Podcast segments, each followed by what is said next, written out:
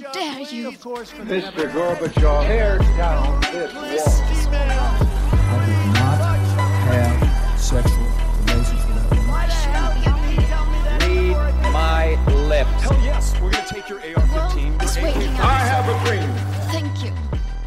Ja, Harald, vi er tilbake, men på et nytt kontor.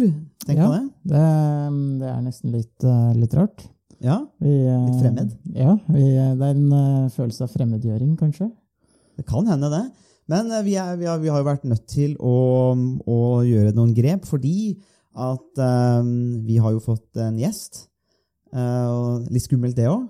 Eh, nei, det er vel egentlig bare hyggelig, er det ikke det? Jo, det er egentlig det. Er egentlig det. det er, um, vi skal jo inn i et, litt, uh, i et meget spennende tema. Vi, vi bryter jo opp denne valgfesten som omgir oss nå med USA, og skal snakke om, ehm, om Frankrike, og vi skal snakke om ekstremisme eh, og eh, terrorisme. Og til å hjelpe oss med det, Harald, så har vi fått vår kollega Frank Orban, som er førsteamanuensis i eh, språk, kultur og samfunn her ved her ved Høgskolen i Østfold. Um, og han har også medvært i podkasten 'Frankrike forklart'. Det, så da har vi jo på en måte um, CV-en i orden til å hjelpe oss, tror du ikke det? Eh, jo, eh, vi, vi har jo fått eh, en med veldig eh, mye erfaring med å lage podkaster, i hvert fall. Og det, Ja. eh, og det er jo veldig hyggelig. Ja, og, og Frank er jo også, har jo forska mye på radikalisering og terrorisme, vi har jo snakket en del om det òg, for det er jo tilfeldigvis det jeg driver med òg i det daglige. Altså forskning på det, da, og ikke, ikke praksisen. Ja, du må jo ha, må kombinere teori og praksis, må du ikke det? Ja, nå, nå, nå- hvis du fortsetter nå, Harald, så kommer kanskje PST på døra. Og Frank er også leder i forskergruppen Areas da, her ved HiØ. eh, Der også vi er medlem eh, med, Harald. Det og bidrar i prosjekter der. Så det er jo litt, eh, det er jo litt fint å kunne mm, bygge på altså vi, vi, vi hadde jo, det kan vi jo si, vi hadde jo tenkt å ha mange flere gjester egentlig dette året her, men eh, covid-19 har på en måte gjort at det er enklere å bare være oss to, stort sett. Når vi prater rett og slett på utstyr og avstand og smitteregler. fordi de, de tar vi jo seriøst. Det, det gjør vi. Kan vi sitte og hoste på hverandre Ja. istedenfor å smitte alle de andre kollegaene våre. Men det er i hvert fall veldig eh, Frank er jo vår eh, strenge sjef i eh, Areas. Ja. eh, Og pisker oss til å levere manus, både sent og tidlig. Og henger oss ut eh, offentlig hvis vi, Ja. hvis vi ikke leverer. Ja, det er enda verre, egentlig. Jeg, jeg vil bare si at til neste publikasjon så er det én i rommet som har levert kapitlet. Eh, Det er en som, eh, som ikke har kommet så langt. ja, så, men så, velkommen, Frank. Tusen takk. Veldig hyggelig. Um, og det er jo Ja, eh, det er jo ingen tvil om at um, dette med terrorisme og ekstremisme det fanger jo også oppmerksomheten i mediene. Man leser om det, og det blir jo mye skriverier. Um, og det som også nok og, og det som skjer også i Europa, er jo det at vi over, over en lengre periode, men også nå i høst, har fått flere angrep. Eh, altså eh, terrorangrep både i Frankrike, men også, også i Wien. Um, og dermed så er det ingen tvil om at vi lever jo i en tid som preges av disse typer voldshandlingene i, i, i Europa. Um, og så tenkte vi dette med, Vi har snakka litt om dette, det som har skjedd i Frankrike. Eh, vi hadde et, et angrep nå senest i, i NIS i, i slutten av oktober. Der har det jo vært flere angrep. Um, men for våre lyttere så kan det jo kanskje være fint å starte med en kontekstualisering, sette litt i sammenheng, kanskje litt sånn historie. Måte, hvor er Frankrike, og i hvilken sammenheng kommer disse angre angrepene? Um, så hvor, hvor har du lyst til å starte der for å måtte, forklare den situasjonen vi er i nå? Det er ikke en lett oppgave, men Nei, nei, nei men mm, jeg kunne kanskje tenke meg å begynne med hvorfor angripes? Og da eh, må man gjerne se på de tekstene som produseres av selveste angriperne. Hva er det de sier om Frankrike? Hva er det de Mm. forteller? Hva er problemet? Eh, og ehm, historisk sett så har det vært to sett av eh, argumenter. Eh, De første var jo utenrikspolitiske, eh, og det som ble kritisert, var jo fransk utenrikspolitikk. Eh, Og da kunne vi Jeg tar meg en frihet, som dere, som dere kommer til å skjønne, men da kan man dele den, den utenrikspolitikken i to. Aktual, altså aktuell utenrikspolitikk og historisk utenrikspolitikk. Det skal jeg forklare meg. Mm. Aktuell utenrikspolitikk det er jo rett og slett Frankrikes involvering i konflikter eller i kriser i Midtøsten, Nord-Afrika, men også lenge sør mot Sahara-regionen. Da tenker jeg på Azawad-regionen. Eh, Og det er rett og slett at eh, Frankrike anklages for å blande seg inn. Mm. eh, Støtte mye altså ledere som blir kritisert for å være korrupte. Altså, så det er rett og slett fransk utenrikspolitikk. F.eks. ved at Frankrike bidro til å få eh, fjernet eh, i sin tid. eh, brukes jo som et argument for fransk involvering i Midtøsten og i Levanten. Mm. Historisk uh, utenrikspolitikk uh, er et merkelig begrep som jeg nettopp har funnet på. Men det, hange, det henger sammen med fransk kolonialisme. Så minnet om fransk kolonialisme i den perioden Frankrike var et imperium. eh, og det Enkelte vil si at det fortsatt er tilfellet, hvis man ser på den siste folkeavstemningen på New Caledonia som fant sted i september. Eh, Men, men, men fransk organisme sluttet med eh, selvstendigheten av Algerie i 1962. Mm. men, men de vil si at, eh, at Frankrike fortsatt har reflekser og en utenrikspolitikk og en innenrikspolitikk som preges av postkolonialisme. Mm. Eh, og at muslimer eller minoriteter i Frankrike forfølges, undertrykkes, fordi det er en del av landets kolonialistiske kultur. Mm. Så det, det, det, det tar jeg som en under på en måte utenrikspolitikk. Aktuell utenrikspolitikk og historisk utenrikspolitikk. Mm. Eh, og så har jeg en annen bolk som heter innenrikspolitikk, eh, kulturverdier. Sant? Hva er det som angripes når man angriper Frankrike? Hva er det man eh, anklager Frankrike for? Jo, man anklager Frankrike for å være et eh, dekadent land med dekadent kultur. Man angriper landet for å ikke respektere religioner. Man oppfatter sekularisme og fransk sekularisme som religionens fiende, eller religionenes fiende. Og hvis man snakker om islamistisk eh, eh, terrorisme, så eh, anklager man Frankrike for å være fiendens, is, altså islams fiende. Macron hadde en kronikk i Financial Time i dag hvor han nettopp prøvde å rydde opp i begrepene. ikke sant? Og Macron sa at vårt problem det er radikal islamisme. Det er ikke islam. Det er ideologien og den ekstremistiske ideologien. Det er ikke religion. Det bor seks millioner muslimer i Frankrike. Frankrike har den største muslimske befolkningen i Europa per dags dato. Mm. Merk også at Frankrike har den største jødiske befolkningen i Europa. Så det er en interessant blanding. Mm. Uh, men i bunn og grunn så skjønner, eller de vil ikke skjønne, eller man nekter å anerkjenne hva fransk sekularisme er, Uh, og oppfatter fransk sekularisme som en trussel for, uh, for religioner, og som et forsøk på en måte for, på, på å sørge for at politikk til enhver tid dominerer religion. Og det er ikke det programmet som eh, radikale islamister blant annet vil ha. men når, du, når du nevner eh, dette er det ting som ikke de aksepterer, eh, hvem, er, hvem er disse de i, i Frankrike? Er det, er det grupper? Er det organiserte grupper? Er det løst organiserte grupper? Er det eh, internettfellesskap eh, som knytter sammen såkalte ensomme ulver? Vet vi noe om, Ja. om, om hvem disse er? Altså, når, når jeg, mens, jeg, mens jeg fortalte om dette, så tenkte jeg faktisk på et videosnitt som jeg så, og det var den video som, som ble lagt ut av Amedi Koulibaly, som var en av de terroristene bak eh, angrepene fra januar eh, eh, 2015. eh, som la ut et ganske langt som forsvant ganske fort, egentlig, hvor han gikk inn på Det er veldig viktig, jeg gjentar det, det er veldig viktig å høre på budskapet som fremmes av disse terroristene, ikke sant? eller Mm. av grupper bak dem, ikke sant? hvis det er eksterne grupper som IS eller som, eh, som Al Qaida eller andre.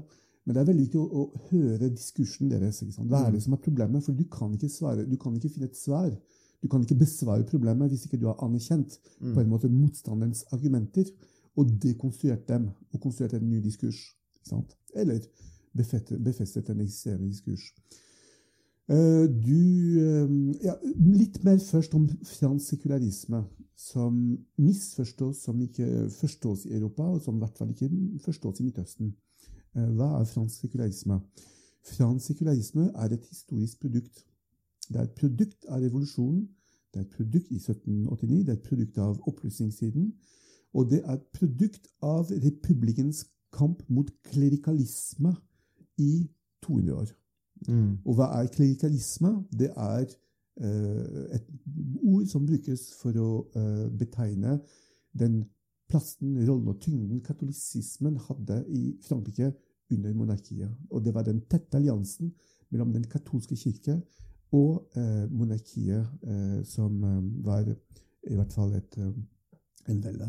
Mm. Eh, slik at når republikken eh, overtok makten i Frankrike, eh, så var det veldig viktig å få katolikkerne, ikke sant? eller kirken, klerikalismen, under kontroll. Eh, og og, og, og fransk sekularisme ble jo et middel ikke sant? for Mm. å få katolikkerne under kontroll. Og det tok 150 år. Mm. Sånn, all, eh, til og med i eh, 1920-årene så, eh, så, eh, så hadde ikke paven eller pavedømmet anerkjent republikken som, som på en måte Frankrikes styresystem. Så det tok 150 år. og det er veldig viktig å huske det i dag når man snakker om radikal islamisme og på en måte islamismens kamp mot fransk sekularisme. Den kampen har vi hatt før. Eh, den tok oss eh, 150 år, og den var, ikke, den var ikke rettet mot muslimer. Den var rettet mot katolikker og, og, og ultrakatolikker som nektet på en måte at religionen underkastet seg det politiske systemet. Mm. Jeg ser en viss likhet faktisk mellom den kampen mot klerikalismen og kampen mot radikal islamisme i dag. Men hvordan, eh, hvordan er det man kan eh, gjennomføre den kampen eh, mot radikal islamisme? For den katolske kirken var på en måte mye mer institusjonalisert og på en måte profesjonalisert, siden det var delvis mot den altså, prestestanden, eller mot Mm. mot en, en veldig organisert form for religion. Mens det vi ser i, i dag med radikal islamisme, er at de er mye mer eller mye mindre eh, organisert, mye mindre institusjonalisert i forhold. Hvordan er det man må på en måte tilpasse seg til, til den nye, eh, nye situasjonen? Jeg kommer tilbake litt senere eh, til, til voldsaspektet. sånn, Hvordan man eh, får kontroll over volden. Men, eh, og Det er et veldig godt spørsmål som du, som du stiller nå, fordi det får meg med en gang til å tenke på en mann.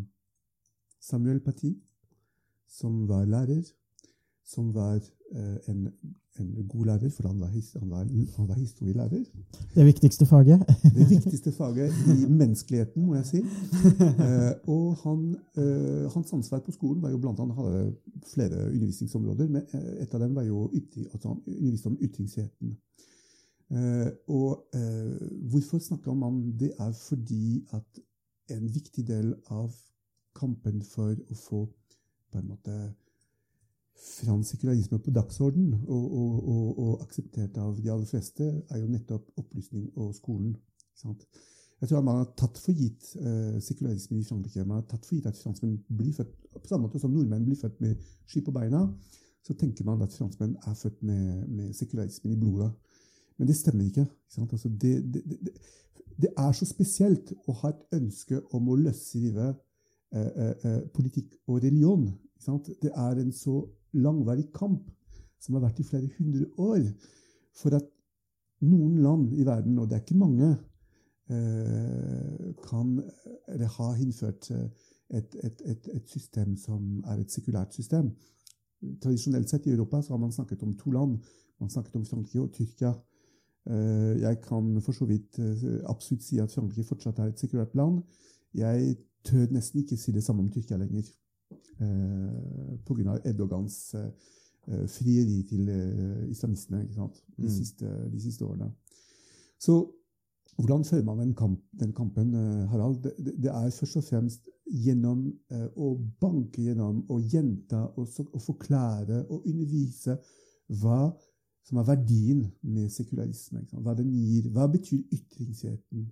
Hva betyr religionsfriheten? Fransk sekularisme handler om å gi like rettigheter til alle borgere. Det betyr at alle har ytringsfrihet, og det betyr at alle har religionsfrihet. Staten er garantisten for utøvelsen av religionsfriheten. Men i fransk sekularisme så skiller man mellom offentlig rom og privat rom.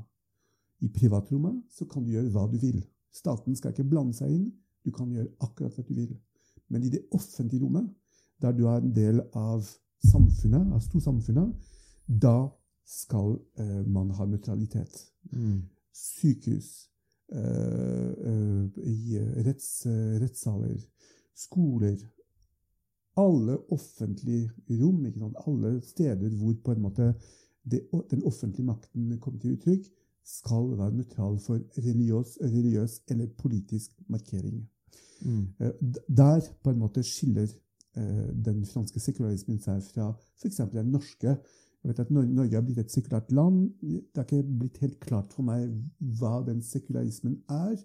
Jeg tror ikke det er helt definert ennå, for det er såpass kort tid siden.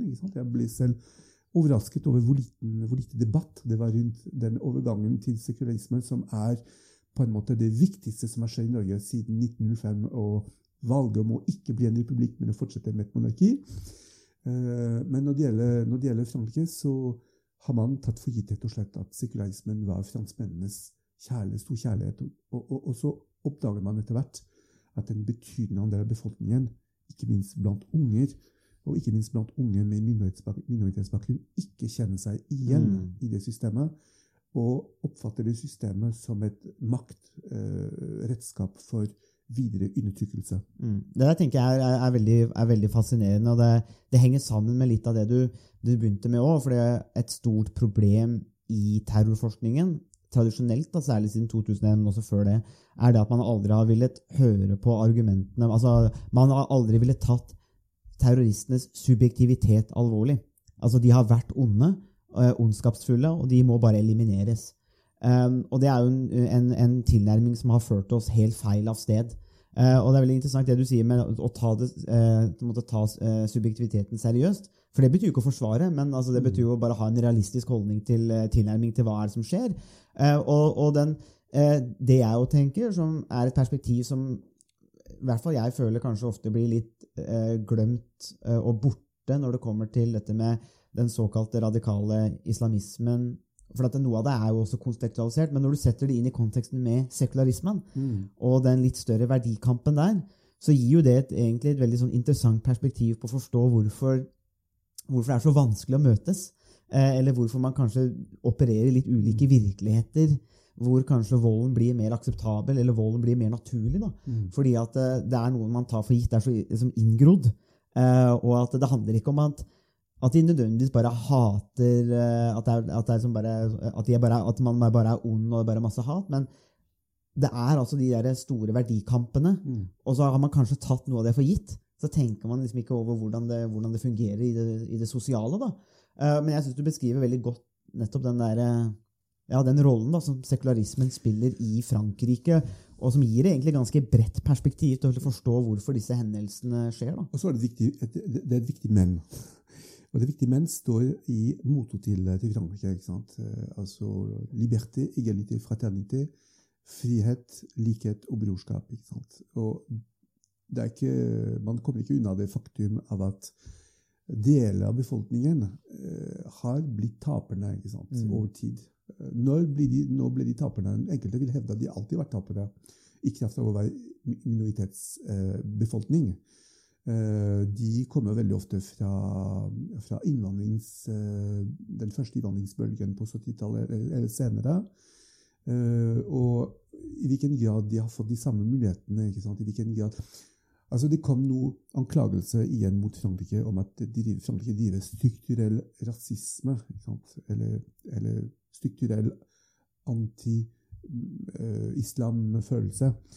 Eh, og jeg tror ikke man kan si det, for det, da snakker vi om et statssystem. Altså, mm. Og det ville være feil. Men at, det, at, at, det, at, eh, at man har hatt for lite fokus på å redusere de sosiale og økonomiske ulikhetene? Og, at den, og at disse ulikhetene førte til desperasjon i deler av befolkningen, og til at uh, identitetsfølelsen knyttet til det å være fransk ble borte. Eh, og at man byttet ut. For det er det man, når du snakker med dem, så er det helt uh, frapperende å se at, eh, at man har, et, et annet sted, på et annet sted så har man byttet ut i- altså den nasjonale identitetsfølelsen med en mer religiøst basert identitetsfølelsen, som er det å være en del av en global umma. ikke sant? Mm. Du, er, du, er, du er en del av, et, av, en, av en global muslimsk identitet som gir deg en større tilhørighetsfølelse enn det å, å, å, å være fransk. ikke sant? Og jihadistene, eller eh, franskmennene som dro til Levanten, til Syria og Irak, spesielt til Syria og til, til, til Daesh, de gir veldig ofte uttrykk for at eh, på et eller annet tidspunkt så forkastet de eh, den franske modellen. De forkastet den franske identiteten. De forkastet sin egen identitet som franskmann for å erklære seg global muslim ikke sant, som en del av UMA. Mm. Eh, handler det litt om at den, det idealet om brorskap som Frankrike eh, på måte er til en viss grad bygd på, at, at det elementet har blitt borte? Eller tonet ned, eller fått mindre betydning? At de føler at det ikke er en del av måte, det franske fellesskapet, brorskapet? Det er ikke til å altså Man kan ikke skylde faktum av at både vi snakker om brorskap, men likhet er det samme. Altså det finnes sosiale ulikheter i Frankrike, og de gir spesielt utslag i forstedene utenfor storbyene.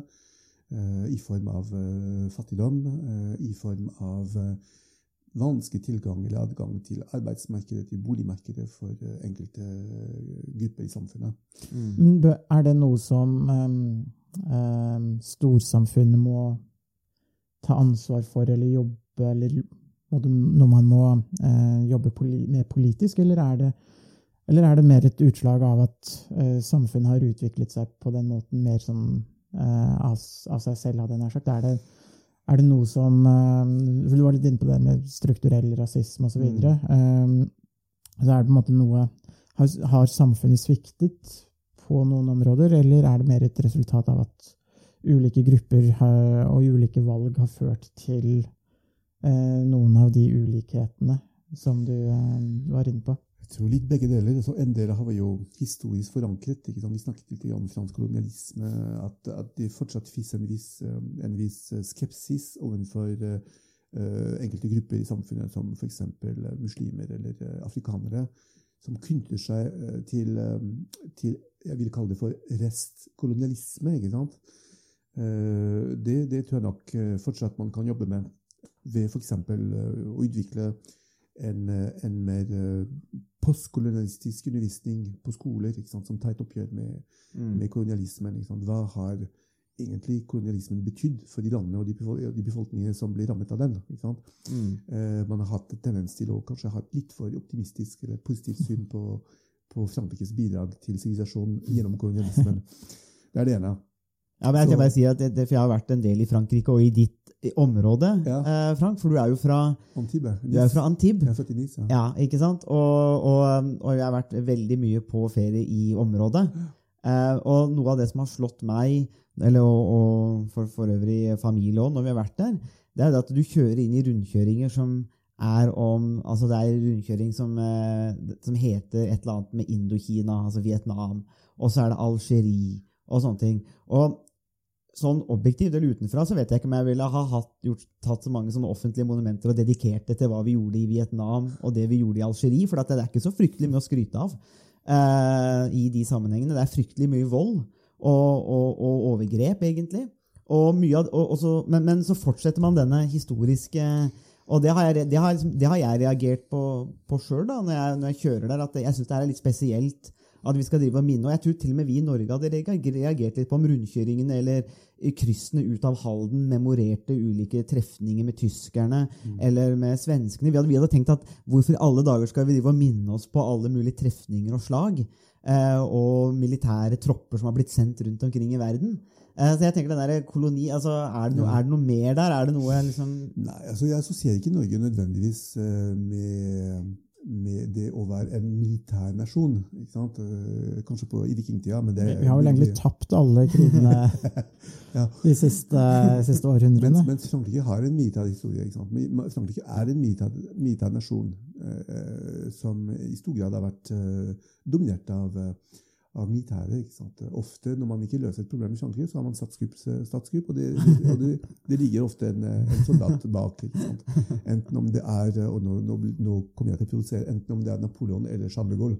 Ja. Men, um, så så uh, på, på den måten så ligner Frankrike litt på Egypt eller Algerie eller sånne andre regimer hvor militæret eh, ikke styrer landet nødvendigvis direkte, men de, de har alltid et eller annet å si. Ikke sant? Men, Ja. men landets militærtradisjon er jo til stede. Eh, Og landets kolonialistiske historie er jo fortsatt til stede. Og det er klart at eh, når du får et land som har blitt så multikulturelt som Frankrike eh, Tre av fire, fire franskmenn som fødes i dag, har en eller annen utenlandsbakgrunn eller innvandrerbakgrunn. Hvordan, hvordan kombinerer du det faktum eh, at du har blitt et multikulturelt land, med en historie som fortsatt er preget i så stor Mm. grad av på en måte historien og, og kolonialismen? Ikke? Det Mm. er et problem. Og spesielt på skoler, når du skal undervise fag som historie og geografi, Ja. og har en klasse foran deg som består av eh, barn som eh, har bakgrunn fra et eller annet sted i en tidligere fransk koloni, Ja.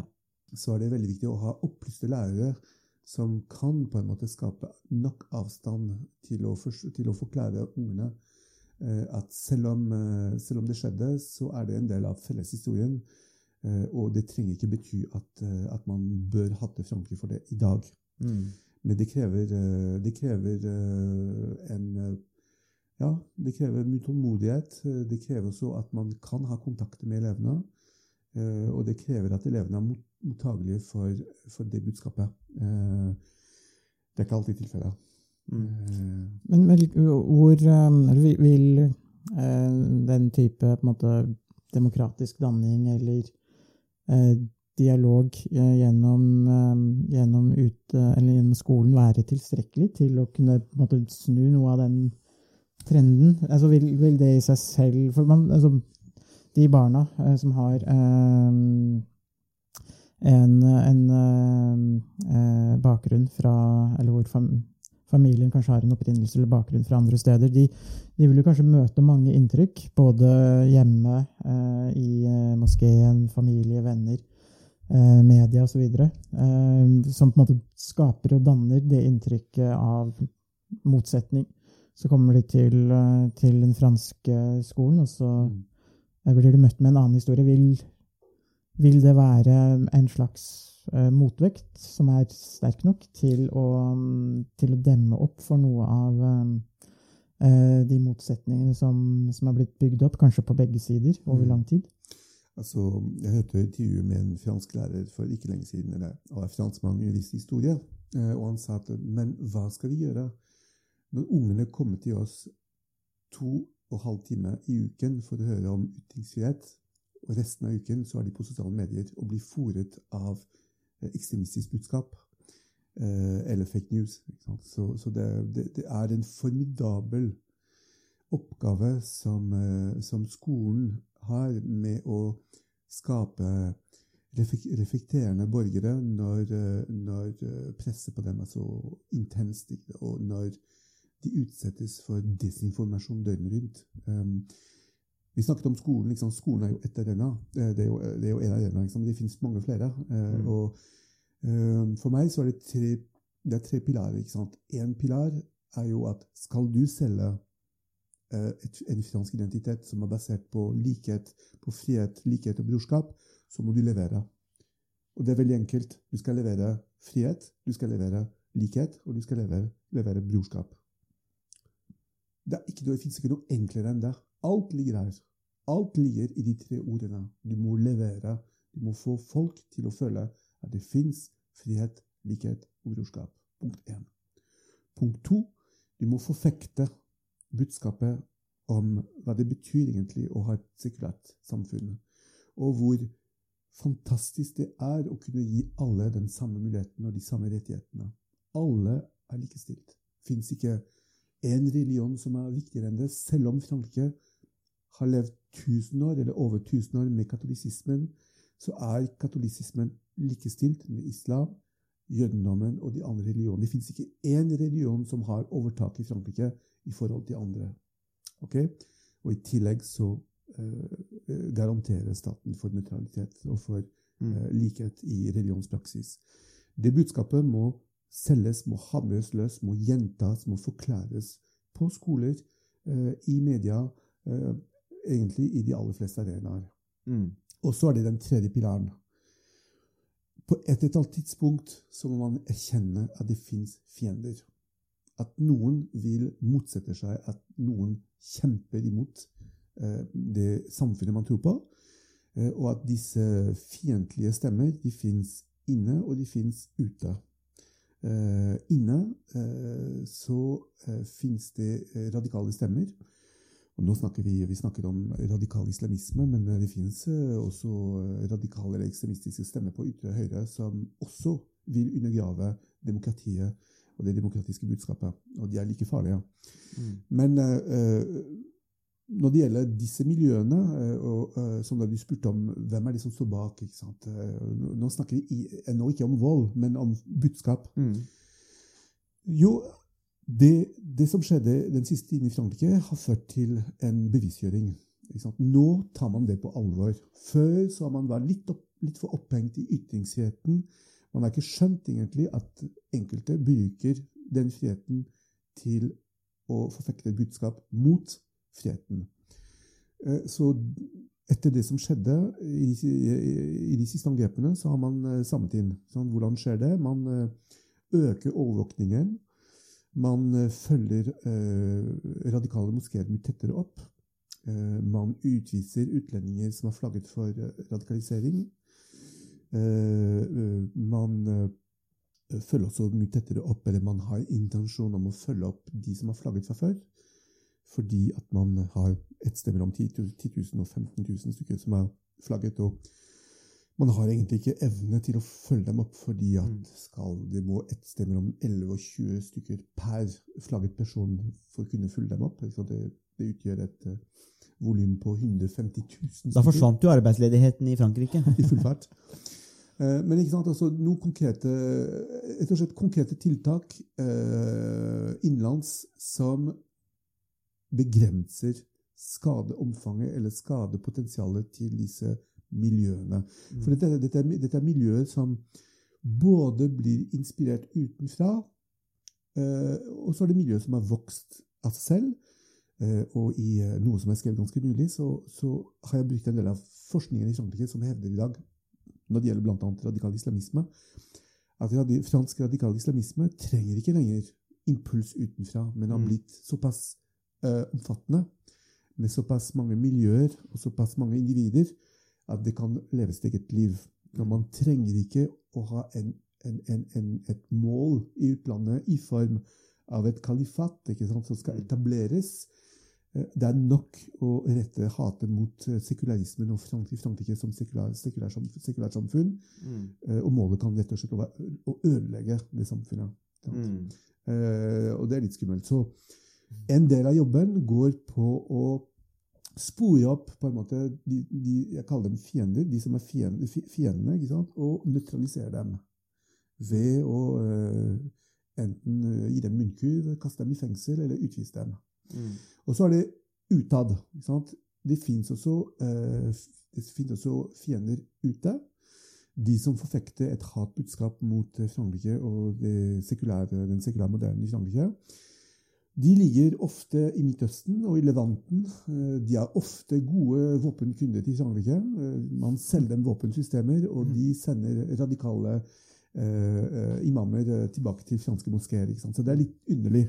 Mm. Eh, Så man er nødt til å ta et oppgjør med disse, disse landene som eh, forfekter et budskap som, og, og, og som bruker økonomisk makt for å kjøpe seg inn i Frankrike, eh, og sender individer som forfekter et, eh, et radikalt budskap som går på tvers av eh, republikanske verdier. Så oppgjøret er både eh, på en måte et eksternt oppgjør og et internt oppgjør. Mm. Ja, ja, og Du nevnte jo det litt i stad, dette med både den aktuelle historien, men også eller mer historiske historien, eh, eller situasjonen. altså dette, For dette er jo ting som spiller sammen. altså det er jo, eh, Historien er jo på en måte forbi, men altså, den fortolkes jo eh, til enhver tid, og, og det er jo noe som blir brukt. da, eh, med, om det er feil eller riktig, og til ulik eh, grad av nøyaktighet.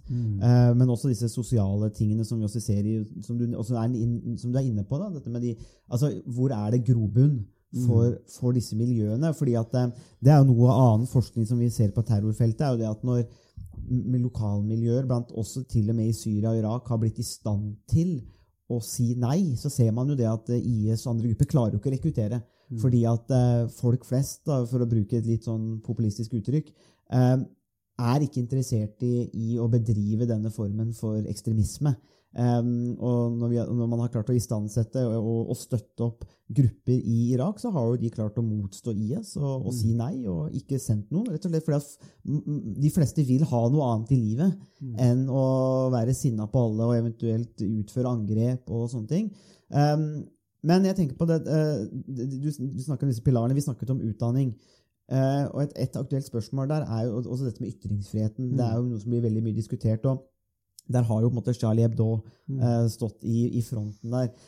Men, men, men disse karikaturene av, av Mohammed, mm. av profeten, er det, jeg, jeg tenker uansett det er et interessant spør spørsmål. for vi, vi får et bilde her av den franske sekularismen.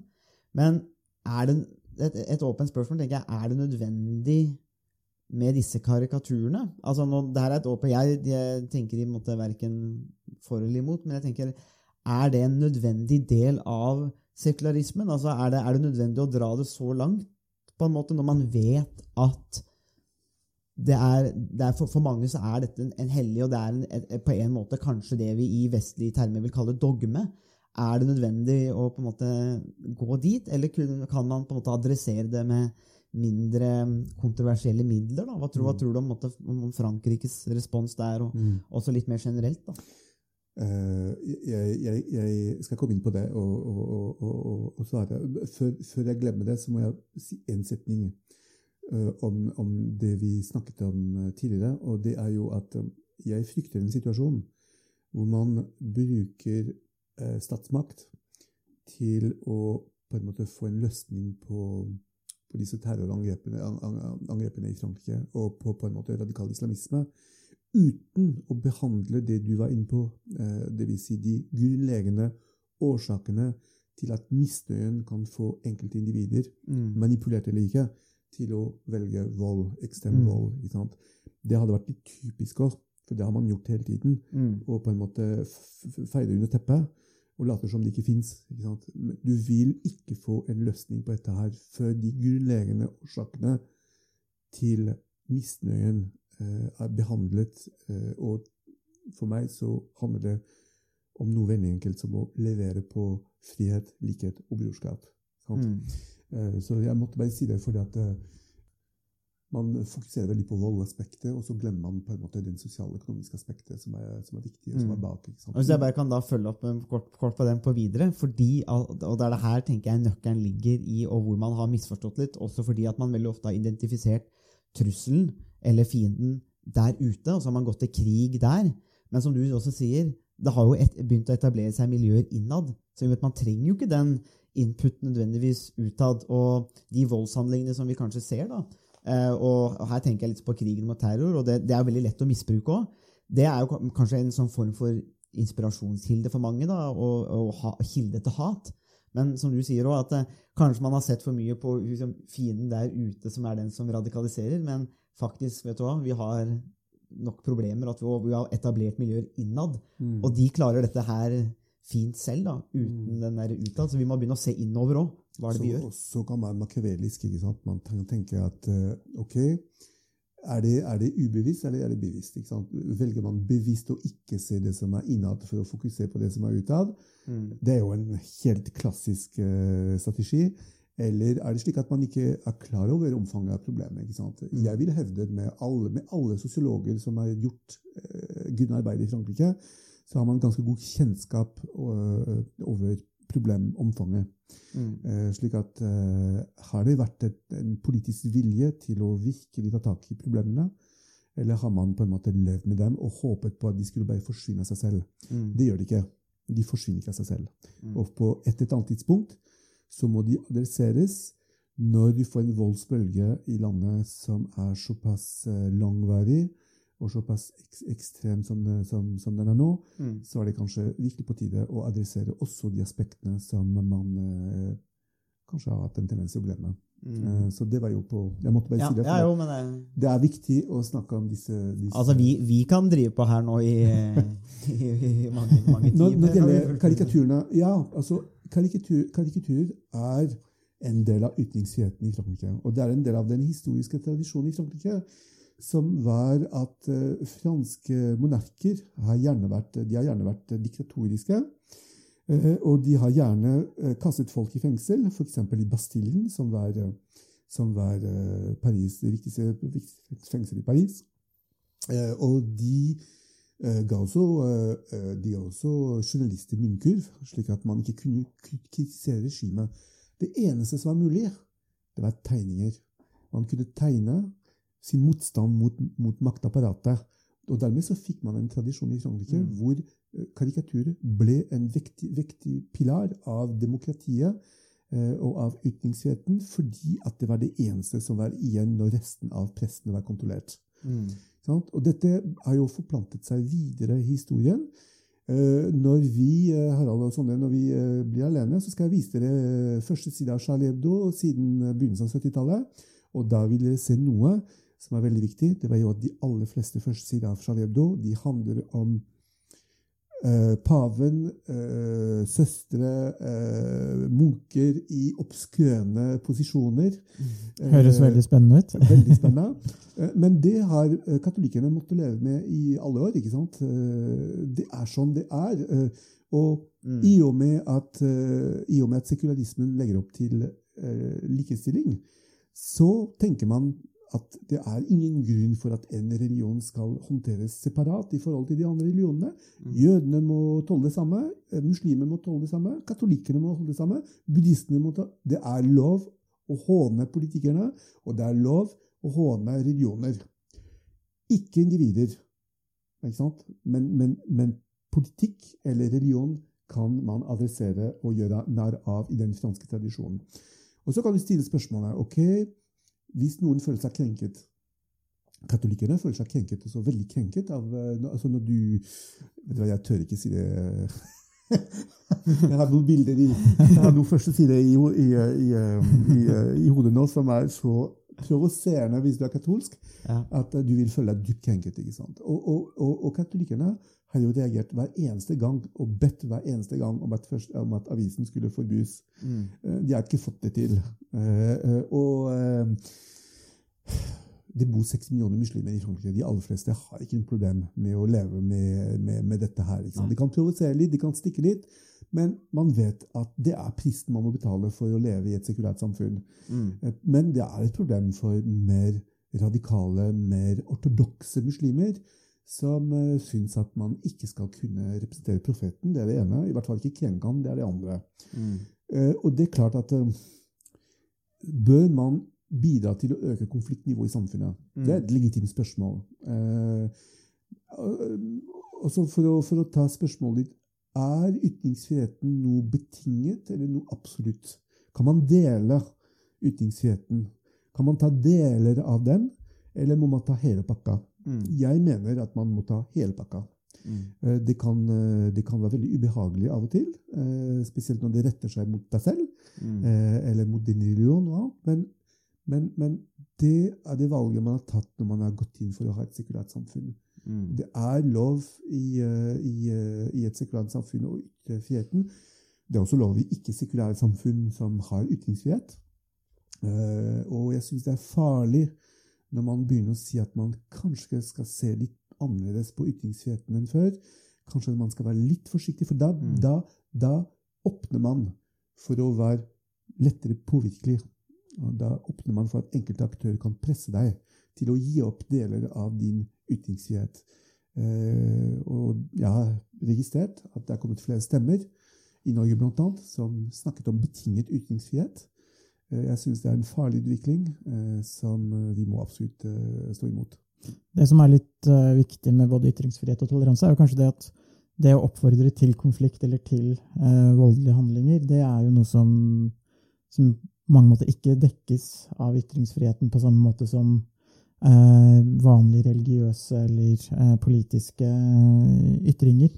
Um, og mange av de karikaturtegningene har jo eh, både de som kanskje treffer um, eh, andre religioner, som, eh, som katolisismen eh, også, de, de er jo ikke provoserende i den forstand at de oppfordrer til voldelige handlinger eller til å øke konflikten sånn i seg selv. De er jo mer en kritikk enn eh, oppmuntring til, eh, til å gå til krig eller til å, til å For det er jo ikke en kritikk av at eh, religion finnes i seg selv, men det er jo en kritikk av bestemte handlinger, eller hvor eh, religion blir eh, hyklersk, eller eh, hvor det er prester eller imamer eller andre som eh, som eh, sier én ting og gjør noe annet.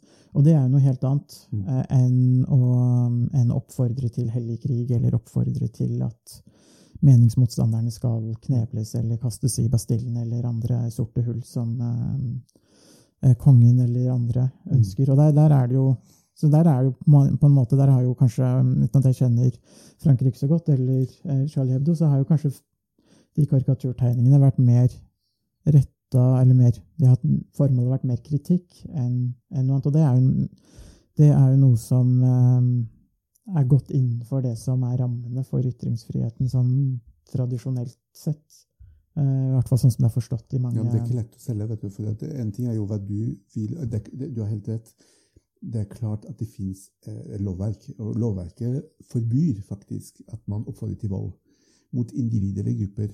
Så um, mekanismene fins i lovverket for å, for å stanse noe som kunne oppfordre til, eh, til eksempel vold, f.eks. Mm. Uh, en annen ting er jo hva slags følelser du vekker når du, når du tegner. Og jeg har full forståelse for at individet kan føle seg provosert, såret, fordi at man representerer deres religion eh, på en måte som de ville oppfatte som, som krenkende. Men som du påpeker, eh, dette må ikke tas eh, bokstavelig. Altså, vi glemmer ofte at folk blir jo halshugget for tegninger.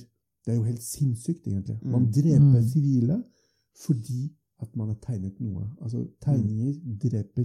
Mm. Det er jo, det er jo, det er jo helt sinnssykt altså, hvis man tenker på, uh, på omfanget av den volden som produseres i forhold til hva det er i utgangspunktet. En tegning. Mm. En tegning som skal være satirisk. Og som jeg har forklart, så legger opp den franske tradisjonen legger opp til at satire er mulig, for det er veldig ofte den siste skansen for demokrati når alt annet er borte.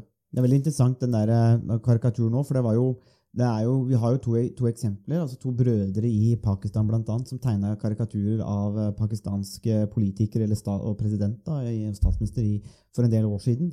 Eh, og det, det pakistanske myndigheter gjorde da, var at de varsla USA om at dette var Al Qaida-sympatisører og rekruttører, og så ble de, ble de sendt til Guantánamo Bay. Um, og um, det her var jo noen journalister som avdekka det, for de hadde jo snakka med disse som politiske For de var jo polit tegnere og, politiske måtte, kritikere eller satirikere i Pakistan. Um, han ene døde jo, men han andre han, han endte opp som rekruttør til slutt da, for IS. Etter å ha sittet inn seks-sju år i Guantánamo Bay eh, og blitt torturert for ingenting. Men det, og det, det var jo litt sånn spesielt, det du, Det også var jo karikatur da, i Pakistan som uh, ikke ble akseptert. Så det var noe av den der kritikken. Så det er jo ikke bare akkurat eh, Charlie Hebdo. altså det er um, den, den, den tegningen. Jeg, og jeg tenker jo at eh, og jeg er jo enig med, de, med, med, med dette som kommer fram her. ikke sant? Og, eh, og når vi begynner å snakke om dette med ytringsfriheten og hvorfor det er viktig, og Frankrike har jo nå tatt et ganske sterkt standpunkt på det, og at her skal det ikke endres på noe. Og så tenker jeg at det det kanskje kan være, er at det, og noe som kan, vi kanskje må ta fra situasjonen, er det at eh, det, må nok, det, at det er nettopp en invitasjon til å se veldig mye nærmere på innenriksforholdene. Hva er det som foregår i Frankrike nå som gjør at vi er i den situasjonen at eh, det, er et, eh, det er et varsel. eh, Symptom vi må ta alvorlig. sånn som vi har, og Det har vi jo snakka om nå i, i episoden allerede. at det, de, Disse rotårsakene eller grunnårsakene Kanskje det er, dette, er et, dette er en hendelse som presser disse hendelsene opp til overflaten. Og nå ser vi ok, vi kan ikke eh, ta bare sekularismen for gitt. Nå må vi på en måte begynne å utdanne litt og opplyse litt. Men jeg må insistere på noe som er veldig viktig, og det er jo eksterne aktører. Fordi at det Frankrike legger opp til, er farlig. Eh, Frankrike legger opp til at det oppstår et fransk eh, islam. Eller islam i Frankrike. Eh, Ikke islam i Frankrike, ikke et globalt islam i Frankrike, men rett og slett en sekulær form for fransk islam. Eller sekularisert. Og det, jo, det går absolutt ikke. ikke? Dette er jo hovedfienden for, for aktører eksternt som, som ikke vil at islam skal kombineres med en eller annen form for sekul- sekularisme. Slik at eh, ja, det fins grunnleggende årsaker, interne årsaker til volden og alt det der, men, men volden genereres også av eksterne aktører som finansierer, som rekrutterer, som motiverer. Eh, og deres mål er jo å destabilisere Frankrike. Det er at franskmenn skal settes opp, eh, opp mot hverandre. Det er, at, det er å gjøre det samme som Breivik prøvde i sin tid. skape splid i befolkningen. Og tvinge myndighetene til å gå, eh, til, å gå til mot, eh, mot makt som er såpass kraftig at deler av befolkningen vil, eh, vil sette seg imot statsmakten. ikke sant? Eh, Så det er en bevisst strategi fra aktørene som, som forfekter og som støtter terrorisme, om å på en måte løsrive franske muslimer fra resten av befolkningen for å sørge for at det sekulære prosjektet mislykkes. Mm. He- he- Helt kort til slutt, um, hvis vi skal prøve å spå litt. Um, hvordan, hvordan, du, hvordan ser det ut for Frankrike nå, uh, altså framover? Er- ligger det et latent voldspotensial som man må være klar over? Er det, man kan aldri si ting for sikkert, men hvordan, hvordan eh, Og vi skal ikke si at det, så, sånn og sånn blir det, men bare, bare ditt generelle inntrykk av måte, hvordan det kan se ut i framtida? Den nærmeste framtid, da. En, man levde i en li- liten illusjon eh, en stund. ikke sant? Man tenkte at nå, nå kalifatet eh, mislykkes som prosjekt. Så nå forsvinner på en måte eh, problemet. Problemet var kalifatet. ikke sant? Men også har man forstått etter hvert at det fins en form for endogenbasert radikal islamisme som produserer en endogenbasert form for islamistisk terrorisme. Eh, Og som vi snakket om tidligere, det vil ikke forsvinne uten, uten videre. Det vil ikke forsvinne uten at man har adressert de grunnleggende årsakene til at dette kan blomstre opp. Mm. Og derfor tror jeg ikke at det vil forsvinne eh, på, på kort tid. Eh, Det vil fortsette. Volden vil fortsette. Fordi det fins individer som eh, er eh, motivert, som er kontrollert, eller andre individer som er kanskje i psykisk ubalanse, og som har funnet i en radikal ideologi noe som gjør det, gjør det mulig for dem å legitimere volden, eller voldssyke, ikke sant, som ligger inni dem. Eh, Så mest sannsynligvis så vil den volden for, for, for, den vil fortsette. Eh, myndighetene vil jobbe videre med å få kontroll over miljøene. Eh, altså dette er jo det er ikke første gang det skjer. På 80-tallet hadde man Frankrike et omfattende problem med venstreekstremisme. Og det er jo politiarbeid. ikke sant? Det er jo å spore opp, det er jo å knekke miljøene, det er jo å fengsle altså Det, det fins altså muligheter bak. Eh, muligheter til å, altså for å få kontroll over den situasjonen. Eh, hvis man adresserer grunnårsakene samtidig. Så nei, dessverre, det vil fortsette. Eh, men det har vært eh, terrorperioder og voldsepisoder før. Eh, Vi er midt oppi en viktig episode nå, og det vil sannsynligvis dukke opp noe annet etter hvert. Det var det vi hadde å by på i denne ukas episode av Statsvitenskap og sånt. Musikken er komponert av Robin Horvath, og Thomas Colato står for miksing og redigering. Du finner oss på Facebook, bare søk på Statsvitenskap og sånt. Der kan dere komme i kontakt med oss hvis dere har spørsmål eller kommentarer. Der finner dere også aktuelle artikler, videoer med mer. Vi setter pris på om dere liker sida, og deler den med andre som dere tenker vil ha glede av å høre på podkasten. Vi høres!